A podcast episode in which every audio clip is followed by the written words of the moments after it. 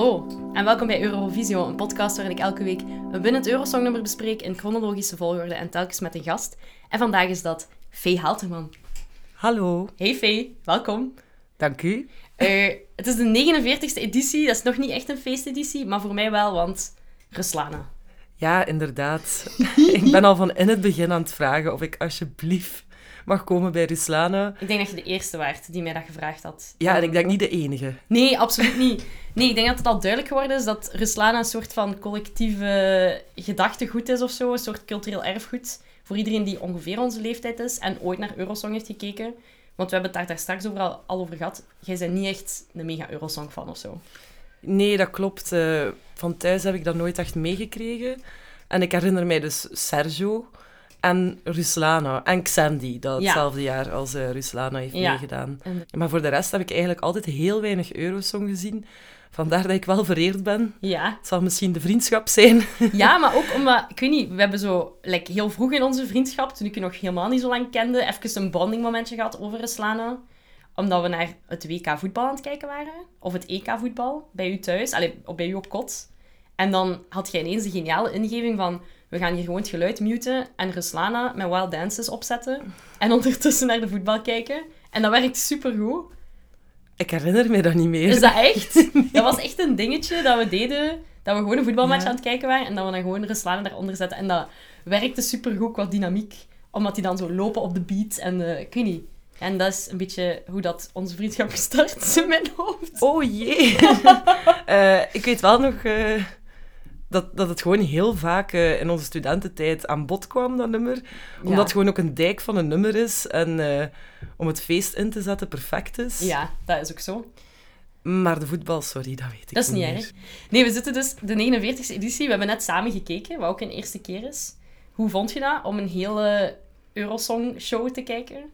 Ja, ik denk dat het wel leuk is om uh, achteraf te kijken, omdat je ook al een idee hebt van wie dat er gaat winnen. Ja. Dus dat is wel tof om uh, stiekem wel een beetje te kunnen kijken wie dat welke punten heeft gekregen. En zo op voorhand u al een beetje kwaad te kunnen maken over ja. uh, onterechte verliezers of onterechte winnaars. Ik voel een beetje boosheid. Een klein beetje, ja. Uh, ja we, hebben, we, hebben, we hebben gezien hoe dat geëindigd is met Sandy. en als ik zag welke mensen er allemaal boven haar zijn geëindigd... Het is zo. Dan, uh, ja, dan uh, maakt mij dat wel een beetje kwaad. Absoluut. Ik denk dat we het er wel over eens kunnen zijn dat Ruslana een terechte winnaar is. Ja, Zij absoluut. Had echt, direct als dat nummer begon, dacht iedereen... Oké, okay, zowel in het publiek daar als wij in de zetel hadden zoiets van... Oké, okay, dit is een nummer dat gebracht wordt met keiveel verven en show... En dat werkt keihard. Ja, ja, maar gewoon alles zit goed. Hè. Ja. Um, zowel haar zang is gewoon echt recht op de noot. Echt heel lange noten dat ze kan aanhouden. Mhm. Um, de dans, doet dat maar eens ook. Die is echt zwaar aan het dansen. Dat. Terwijl dat ze haar nummer brengt. Ja. En ja, die outfit. Die zijn gewoon nog jarenlang... Ja, oké, okay, of pak een jaar. Maar enorm trendy geweest. dat is hè. zo. Er is Ja. veel om uit te pakken, inderdaad. Eh, anders ga ik even eh, een clipje hierin steken voor de luisteraars. Voor die rare mensen die niet weten hoe dat wel dances klinkt. Of het nog eens willen herbeleven. Voilà.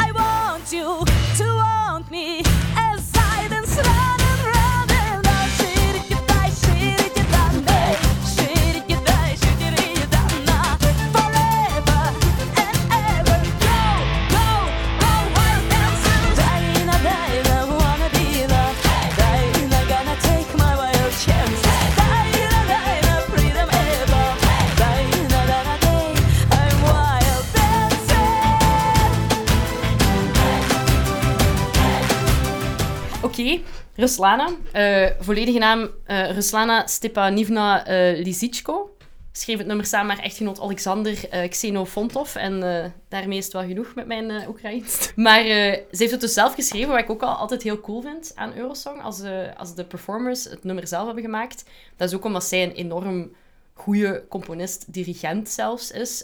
en multi-instrumentalist. Dus ze is een manetje van alles. Ja.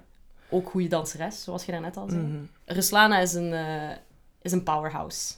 Ja, en ik vind het ook gek eh, dat je net zegt dat ze het nummer samen met haar man heeft geschreven. Want ehm, wat ik ervan begrepen had, was dat zij ook een reclamebureau had met haar Ja. man. Dus als die dan ook nog eens goed zijn in marketing, dan is ze echt wel eh, van alle markten thuis. Ja, dat is al meer dan een triple threat. Dat is echt zot. Ja. Ik dacht iets van producties, van radio- en filmtrailers en zo ook, dat zij deden. Dus ik kan mij inbeelden dat er ook wel wat muzikaal werk bij komt kijken. Dus eh, het is zeker niet iemand die zomaar voor Eurosong op een podium gezet is, wat nice is. Het is ook nog maar de tweede keer dat Oekraïne meedoet. En het is direct eh, ja, de moeite, hè. ja. Dat is altijd grappig als, de, als die nieuwe... de nieuwe landen, zeg ik nu. Dat zijn niet per se nieuwe landen, maar nu wordt het wel steeds meer zo dat er veel meer volk meedoet. We zitten nu aan 36 deelnemende landen, wat echt extreem veel is. Eh, er moet dus een soort schifting gebeuren, wat hierdoor een semifinale is. Dus voor de eerste keer is er een halve finale voor de finale die wij dan gezien hebben. En eh, daarbij, in die finale, is zij als beste geëindigd en heeft ze van alle landen punten gekregen. Dus we wisten eigenlijk op voorhand dat zij een heel grote kans ging hebben. Eh, maar Sandy ook. Blijkbaar hadden de bookmakers ook Sandy met One Life, dus de Belgische inzending, ook als een van de top dingen gezet. Als topfavorietjes. Wat dan niet is uitgekomen, jammer genoeg voor ons. Maar eh, ja, Ruslana heeft dat helemaal waargemaakt. Eh je had het daarnet over haar outfits. Ik denk dat dat hetgeen is dat mensen zich direct herinneren daarvan. Hoe dat zij eruit ziet.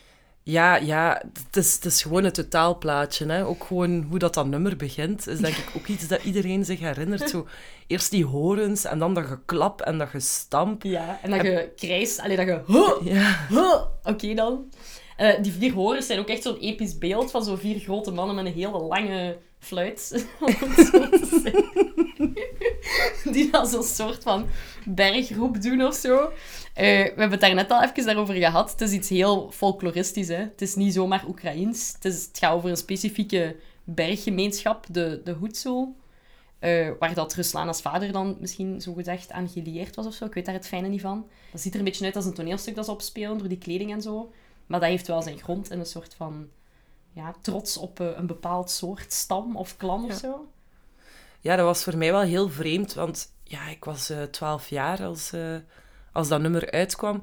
En ik weet nog dat ik dan dacht van, dit is hoe dat Oekraïne eruit ziet, of hoe dat Oekraïense muziek klinkt. Ja, Dus dan heb je ergens die folkloristische traditie, die dat je dan eigenlijk gaat beginnen zien als iets dat vandaag de dag werkelijkheid is. Terwijl dat de Hutsuli, dat dat ook maar een segment was een van heel klein segment zelfs. Oekraïne. Of ja. Ja. dat daar wel diaspora liggen, maar Ja, dat, dat is niet eh, Nee. een totaalbeeld van Oekraïne. En zo vatte ik dat wel op. Dat kan misschien Ja. ook wel een beetje aan mijn leeftijd gelegen hebben. tuurlijk, we waren eh, nog maar een little 12 jaar, dus eh, dat is normaal dat je daar nog niet verder over nadacht. Maar dat was een beetje hetzelfde bij Startup, hè, het jaar ervoor. Je hebt dat daar straks ook aangehaald. Dat is dan ook zo'n soort beeld van Turkije dat naar voren gedragen met die puikdanseressen, en die harembroeken en zo. Dat is heel, ja, dat is heel hard toneel en dat is heel hard performance. Maar ik denk dat dat ook een beetje is wat het Eurovisie-publiek wil op dat moment of zo. Ze willen een duidelijk beeld hebben van wat is dit land en wat is de cultuur van dit land. En dat is misschien iets dat België altijd moeilijker heeft kunnen op podium brengen. Hoewel Omdat we geen vind- frieten kunnen meenemen. ja, bijvoorbeeld. Hè, iemand verkleed als een pak frieten. Dat zou nog... Nee, nee. Ik bedoel, we hebben misschien een minder klinkende muzikale traditie. Zo, zo, allee, je hebt dan die, die bepaalde folkloristische instrumenten in Turkije. Of die horens dan, die met dat bergvolk eh samenhoren. Wat is dat in België? En dat is wel iets wat nu bijvoorbeeld bij Xandy... Daar zit een, een zware Eurodance, eh rave-achtige beat onder. Dat is misschien een beetje wat dat onze muzikale, culturele identiteit is dan. Ja, Of is dat wat te uitgaan, ver? uitgaan kunnen we echt goed. Ja, voilà. Als we nu kijken wat er eh, in de cinema speelt, eh Zillion is de hele tijd uitverkocht. Het is dat. Ehm, los van het feit of dat we die figuren die daarin geportretteerd worden wel heel, eh, zo heel hard moeten bejubelen. Ja, absoluut. Ehm tonen toch ook wel, Belgica was ook een voorbeeld, Ja. dat wij heel graag heel zwaar uitgaan. ja, het is zo. En de muziek die daarbij komt kijken, de mega dancings, Ja. de raves dat we hebben gehad. dat dat echt wel iets was waar dat België onbekend stond. Zeker. En eh, ja, dat is dan misschien de traditie waar we naartoe moeten teruggrijpen. Ja, maar ik vind wel, als je dan... Ja, ik weet dat ik nu van de hak op de tak tussen Ruslan en Xandy wissel, maar ik vind dat wel bij Xandy haar nummer, dat dat heel duidelijk is. En dat dat ook wel werkt of zo. Ja. Dat was geen slecht nummer. Dat was goed gebracht. Behalve misschien vocaal niet fantastisch of zo. Of ze klonk een beetje hees. Misschien was het een zware nacht geweest en is ze de dag ervoor uit geweest. Wat wel true to form geweest zou zijn. Maar ja, ze komt ook uit heel die scene. Touch of Joy met Sergio. Dat is ook wel gewoon die, die club scene. Dus daardoor had ik wel zo het idee van... Ah ja, dit lijkt wel een logische keuze of zo voor België. Ja, ja ik, eh, ik, ik zie er ook wel een, een link in. Alhoewel dat... Als ik dat hoor, heeft het ook wel zo een licht orientalistisch Ja. kantje. Ja, Ik kan er niet 100% mijn vinger op leggen. Misschien is het ook een beetje door de jurk die ze aan dat heeft. ik net zeggen, ja. Dat het misschien zo iets, iets zuiders, zuiderse furie of Ja, zo. in mijn hoofd was het ook veel meer Latin pop van live. Maar dat is echt omdat ik dat beeld had van haar in die rode franje jurk. En ik, ik heb dat daar wel op geprojecteerd. Maar eigenlijk, als je naar dat lied luistert, is dat wel echt gewoon een danslied of zo. Ja. En ze zeggen het ook, hè, we hebben maar één leven. We zijn hier maar één keer. Let Ga maar een keer goed uit. Het zal wel zijn. Ja, zo had je het kunnen vertalen, inderdaad. En haar Engels is ook goed, wat ook al veel is. Hè, want ik weet dat ik al, daar al veel over heb gezaagd. Maar eh, veel mensen in Engels zijn ook niet goed. Dus eh, daar is België meestal wel redelijk oké. Ja, zoals dat ik al aanhaalde, ehm, beperkt mijn kennis zich voornamelijk tot Xandy en Sergio. Ja, En als we dan Sergio als het andere voorbeeld nemen, is dat... Daar is al eens mee gelachen in een vorige aflevering, maar dat Ja. kan niet genoeg benadrukt worden. Naast de mislukte flikvlak, hoe erg zijn Engels? ja, ik denk dat Sergio ook wel meer stress had dan Xandy, als ik het zo zie nu. Ja. Ik heb het gevoel dat zij daar wel beter stond of zo. Maar ik vond Sergio ook wel nog altijd goed. Dus. Ehm, maar om het nog even over Ruslana te hebben, zij heeft dat ook mooi opgelost. Zij heeft de helft van het nummer in het Engels gezongen, de helft van het nummer in het Oekraïens, wat, wat ik altijd wel leuk vind of zo. Eh, dat zorgt voor een beetje. Ik ik vind het wel fijn dat dat folkloristische dan wordt doorgetrokken. Het zou stom zijn om dat soort performance te brengen, waarbij dat je zogezegd de aandacht wilt vestigen op een bepaald bergdorp, terwijl dat je dan wel alles in het Engels zingt. Terwijl die mensen daar vermoedelijk nog nooit Engels hebben gesproken. Dus props voor haar op dat vlak. Maar ja, het feit dat dat dan deels in het Engels is, zorgt er ook wel voor dat ik me dat nummer nog zo goed herinner of zo. Ja, dat is zeker waar. Maar ik vind het inderdaad sterk ook dat ze, dat ze effectief Oekraïens ehm, gebruikt ja. in eh, het nummer. Wat ik dat wel jammer vind, achteraf, is dat ah, wanneer je het nummer nu opzoekt, dat je moet kiezen tussen de Engelse en de Oekraïnse versie. En in de Engelse versie wordt er enkel nog Engels Zot, gesproken. En dat vond ik wel jammer, want dat vond ik ook wel een beetje de kracht van het nummer. Ja, inderdaad. En ik weet dat je daar ook een beetje voor pleit van, kunnen we die niet combineren? Ja. Zodat je naast je cultuur, taal is ook zo'n belangrijk deel van wel. Dat je je taal kunt laten horen aan... Ah, dat is echt eh, stom, dat wist ik zelfs publiek. niet. Ja. Want ik weet dat eh, het nummer echt 100 weken in alle hitlijsten in Europa heeft gestaan. En in België zelfs 10 weken op rij op nummer 1. Dus dat was hier echt een, een monsterhit. Maar dan vraag ik me nu al af of dat dan in de helemaal Engelse versie geweest zal zijn of niet. Dat moet ik misschien nog eens opzoeken. Want in mijn hoofd heb ik ook wel nooit die Oekraïnse tekst ge- gehoord of zo. Ik heb het altijd wel volledig in het Engels in mijn hoofd zitten. Dus waarschijnlijk zal het dan eerder zo geweest zijn. Wat wel jammer is. ja, ik hoor vooral die, die drums en dat gestamp.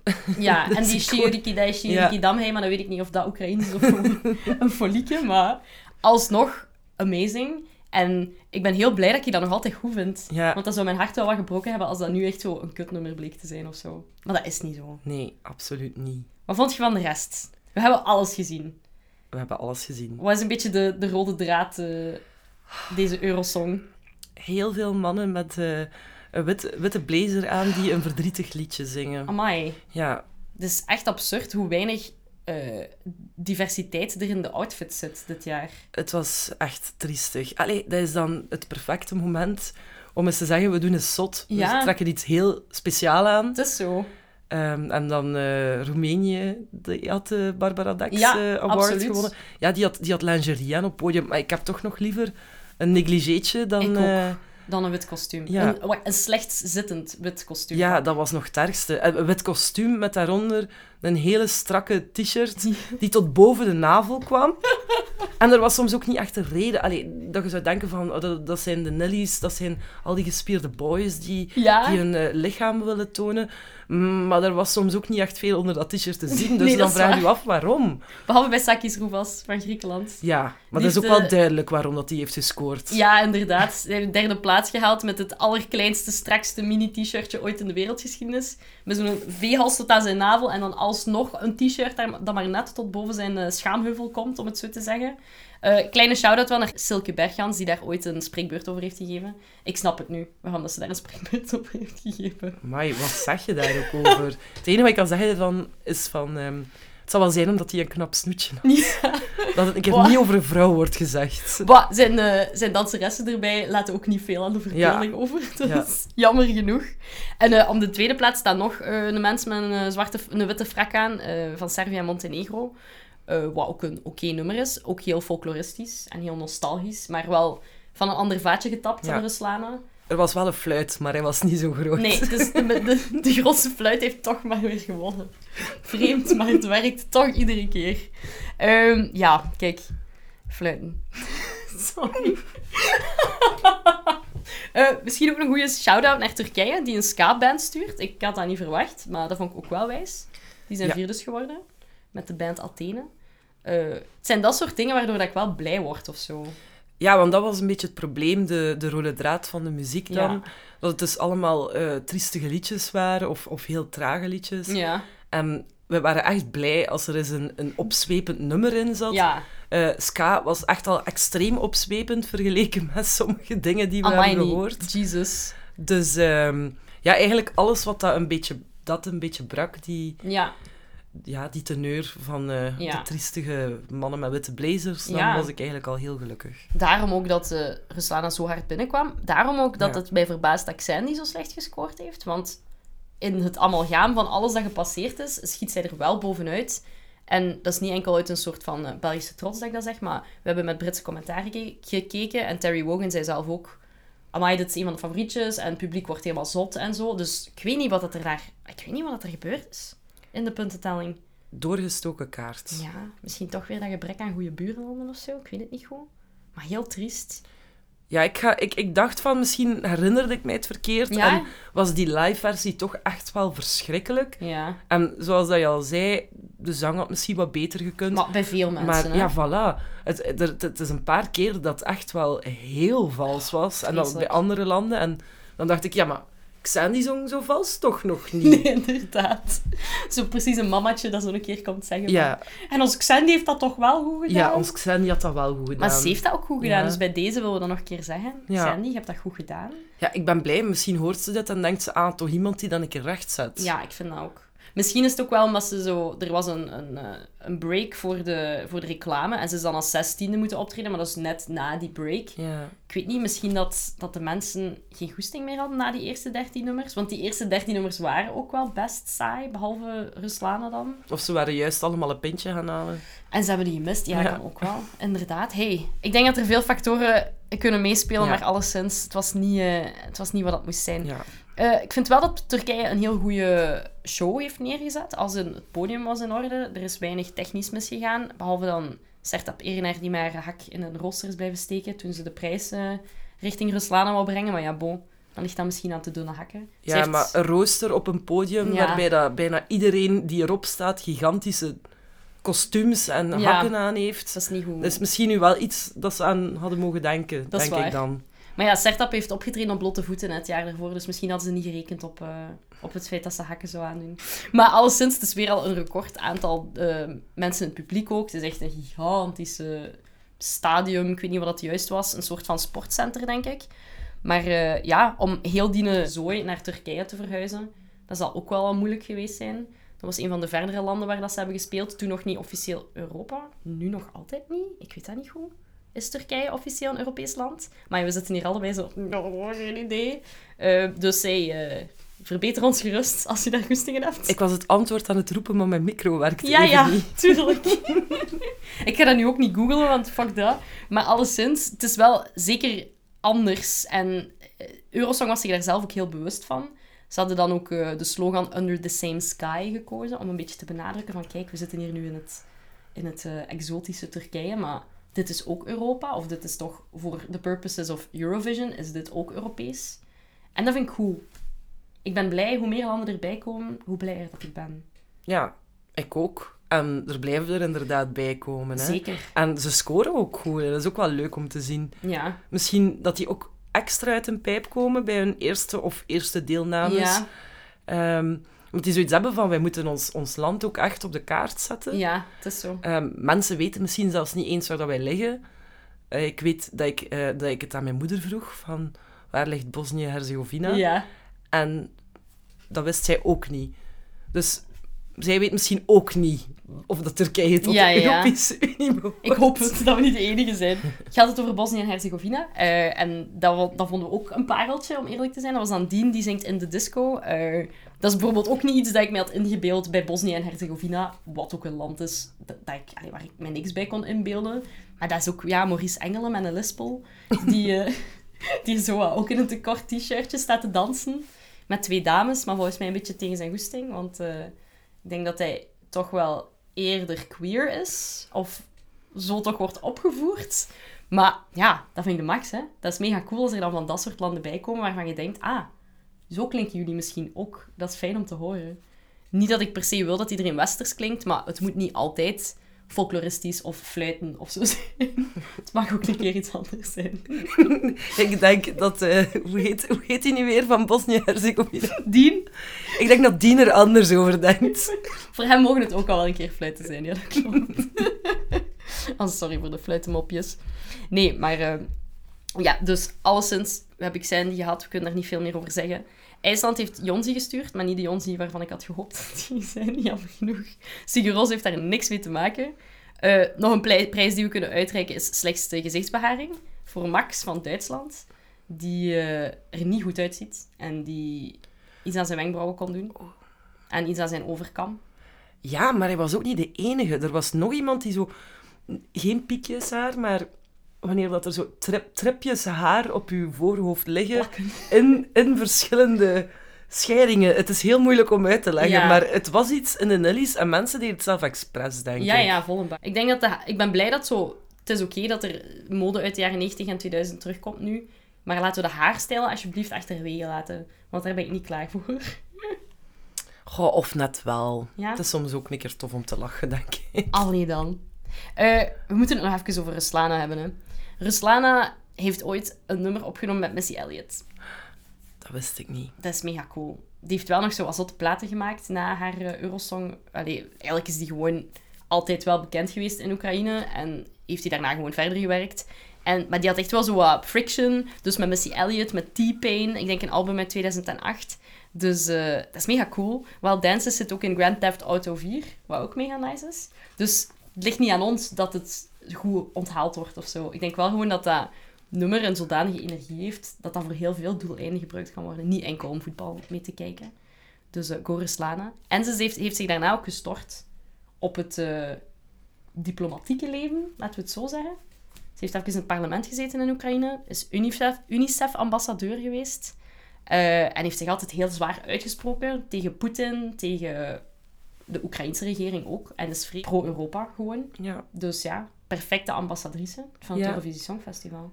Maar daardoor moet ik wel terugdenken aan, aan waarvan ik nog altijd niet weet of het nu helemaal klopt of niet, maar eh, dat ze een reclamebureau zou gehad hebben. Ja. En ehm, dat ze dan ook wel goed zou zijn in marketing. Want ik hoorde ook dat ze in het nummer na Wild Dances, dat Ja. nummer dat ze erna uitbracht, Ja. zichzelf eh, filmde in de clip eh, dat ze in de Oranje Revolutie aan het meeprotesteren was. Dus dat is misschien ook wel een, een, een, een strategische zet, misschien zelfs een politieke zet. ja. En een beetje vreemd om dat aan een Eurosong-winnaar te koppelen. In Ja, mijn hoofd dan. Ja. Inderdaad. Heb jij een mening over politiek en Eurosong? Is dat iets dat gescheiden moet zijn? Of ja, dat is eigenlijk onmogelijk natuurlijk, maar ja, voilà, dat denk ik inderdaad. Het is, het is onmogelijk om het te scheiden. Ehm, maar je hebt natuurlijk wel landen die heel expliciet politiek kunnen zijn. Mhm. In, eh, in Oekraïne was daar wel een goed voorbeeld van. Ja. Ehm, Ruslana grijpt dan vooral een beetje terug naar de traditie en zet vooral Oekraïne mee op de kaart. ja. En, en is qua tekst niet heel ehm, aanvallend of Nee, zo. het is zo. Maar het is wel interessant om te zien, ehm, het, het, het jaar hierna wordt Eurosong dan in eh, Oekraïne gehost. Ja. En dan eh, zenden zij eh, Razom Nas Bahato in. Ja, En het vreemde was dat die helemaal niet in de preselectie van Oekraïne zaten, oké. maar tijdens de Oranje Revolutie, die in het jaar dat zij Eurosong moest organiseren ook nog even passeerde, is dat eigenlijk als, ja, als een anthem gekozen en waren mensen dat echt aan het scanderen in de straten tijdens de revolutie. Zot. Dus door het volk afgedwongen dat zij zouden, zouden deelnemen voor Oekraïne. Ja, in welke mate dat het door het volk was, dat weet ik eigenlijk niet, maar het was wel al sinds eh, heel kritisch voor eh, ja, de pro-Russische Yakunovich, die dan afgezet is geweest. Ja. Ehm, maar die hele expliciete lyrics hebben ze er wel uit moeten halen, heb ik Ja. gehoord, voor het Eurosong. Dus ergens vind ik dat wel goed, dat je jezelf niet te politiek mag opstellen. Ja. Maar aan de andere kant, als mensen een beetje research doen, dan weten ze toch wel waarover dat nummer origineel ging. En je kunt Ja. een, een, een lied niet helemaal van zijn betekenis ontdoen. Zeker niet. Eh, zeker niet in tijden van alles mogelijks op te zoeken op het internet. Hè. Je komt daar heel snel achter. Dat is nu ook wel iets dat al sinds jaar en dag in Eurosong zit. Ik bedoel, Portugal heeft ook al heel zwaar beladen politieke dingen gestuurd. Ja. Toen met de Anje-revolutie en zo. Dus ik vind ook wel dat dat zijn plaats daar heeft. Want waar anders is er een zodanig groot publiek waarop dat je als natie kunt tonen van kijk, we zijn het hier wel of niet mee eens. En zeker als het via muziek is, ook al heb je dan aanvallende lyrics, is nog altijd beter dan met geweld iemand eh, te proberen overtuigen van uw visie. Dus ik heb zoiets van, laten we politiek wel Mm. toelaten. Maar ik vind dan natuurlijk iets zoals ja, Rusland nu nog toelaten, zou ik ook wel van slechte smaak zien getuigen of zo. Ik weet niet. Dat begrijp ik wel, dat zij vorig jaar niet meer mochten meedoen. Ja. Of we dan moeten lauweren dat Oekraïne dan meedoet met een nummer dat, oké, niet per se politiek is, maar ja, die hebben wel gewonnen om politieke redenen, denk ik. Ja, dat is dan misschien eerder jammer, want misschien zijn er betere nummers, maar ja, je kunt sowieso nooit de twee scheiden. Ja, en ik, waar ik het ook een beetje moeilijk mee heb, is, is politiek, het, het als een politiek wapen inzetten. Ja. Want ik was daar nu over aan het nadenken met Bosnië-Herzegovina. Ik weet niet hoe dat zij op dat moment stonden tegenover... ehm, LGBTQ-rights, ja. Voilà. En uh, als bijvoorbeeld iemand als, als Hongarije eh, die Ja. inzending had gestuurd, dan, dan, ja, Dat dan hing er bij mij wel een... eh, Ja, tuurlijk. voilà, ja. Zeker. En dat gebeurt sowieso ook vaak. Hè. Ik bedoel, Tattoo is vorig jaar voor... Allee, in 2003 dan eh, gestuurd door Rusland. Dat is ook... Allee, ik weet niet zeker wat ze daarmee bedoelden. Volgens mij gaat het nog vooral om geld en het feit dat die heel bekend waren op dat punt. Maar Rusland is ook niet pro-lesbische koppels, hè, laten we eerlijk zijn. En toch voeren ze dat dan op als hun eh, representatives. Maar ik herinner mij wel dat er daarna heel veel rond te doen was. Want ik moet ook een beetje op mijn woorden terugkomen. Hoezo, ik ken niets van Eurosong. Ik weet gewoon niet dat dat van Eurosong is. Ja. En ik was zo fan van Tattoo, zei. Ja. Het is blijkbaar Tattoo. Geen idee, ik heb gewoon iets All gekozen. she said, in ieder geval. Ja. En ik weet dat wel nog, dat, dat, een, dat zij eigenlijk... ehm, nee, dat zij gedwongen werden Ja, om als, als, als een soort lesbisch koppel mee te doen. Ja. Maar dat was dan ook helemaal niet zo. Wat Nee. misschien nog erger is, ik weet het niet. Ik heb, ik, vind, ik heb ook het gevoel dat er heel veel... that is not even true. Nee, ik denk dat er heel veel urban legends ook rondgaan over hen. En over hoe dat die band er gekomen is überhaupt.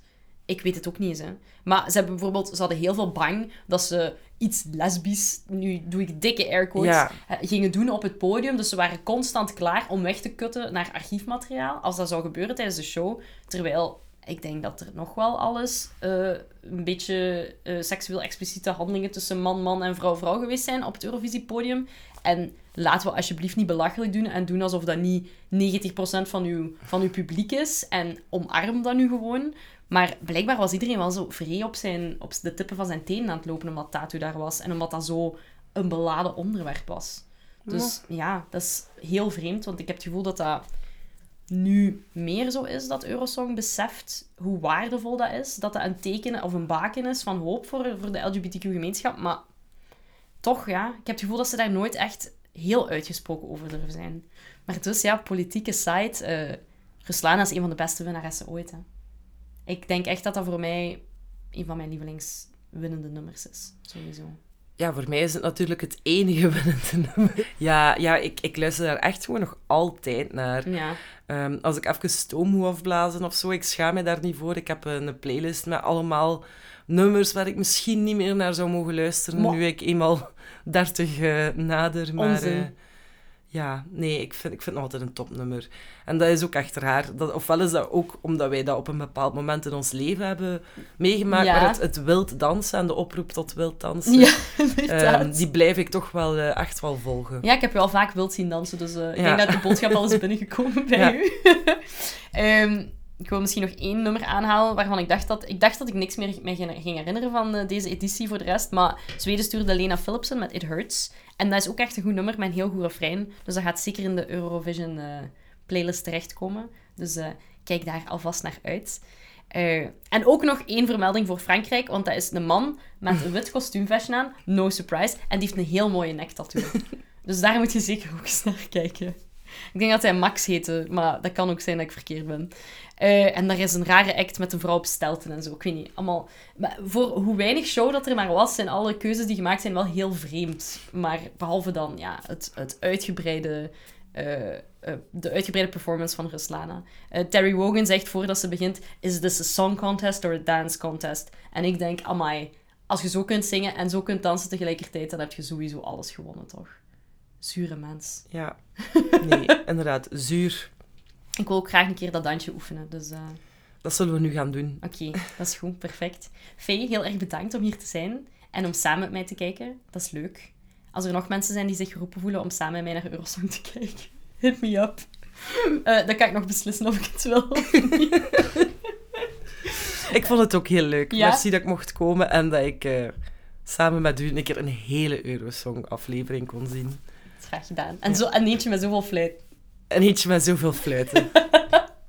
Merci iedereen en tot de volgende. Dag!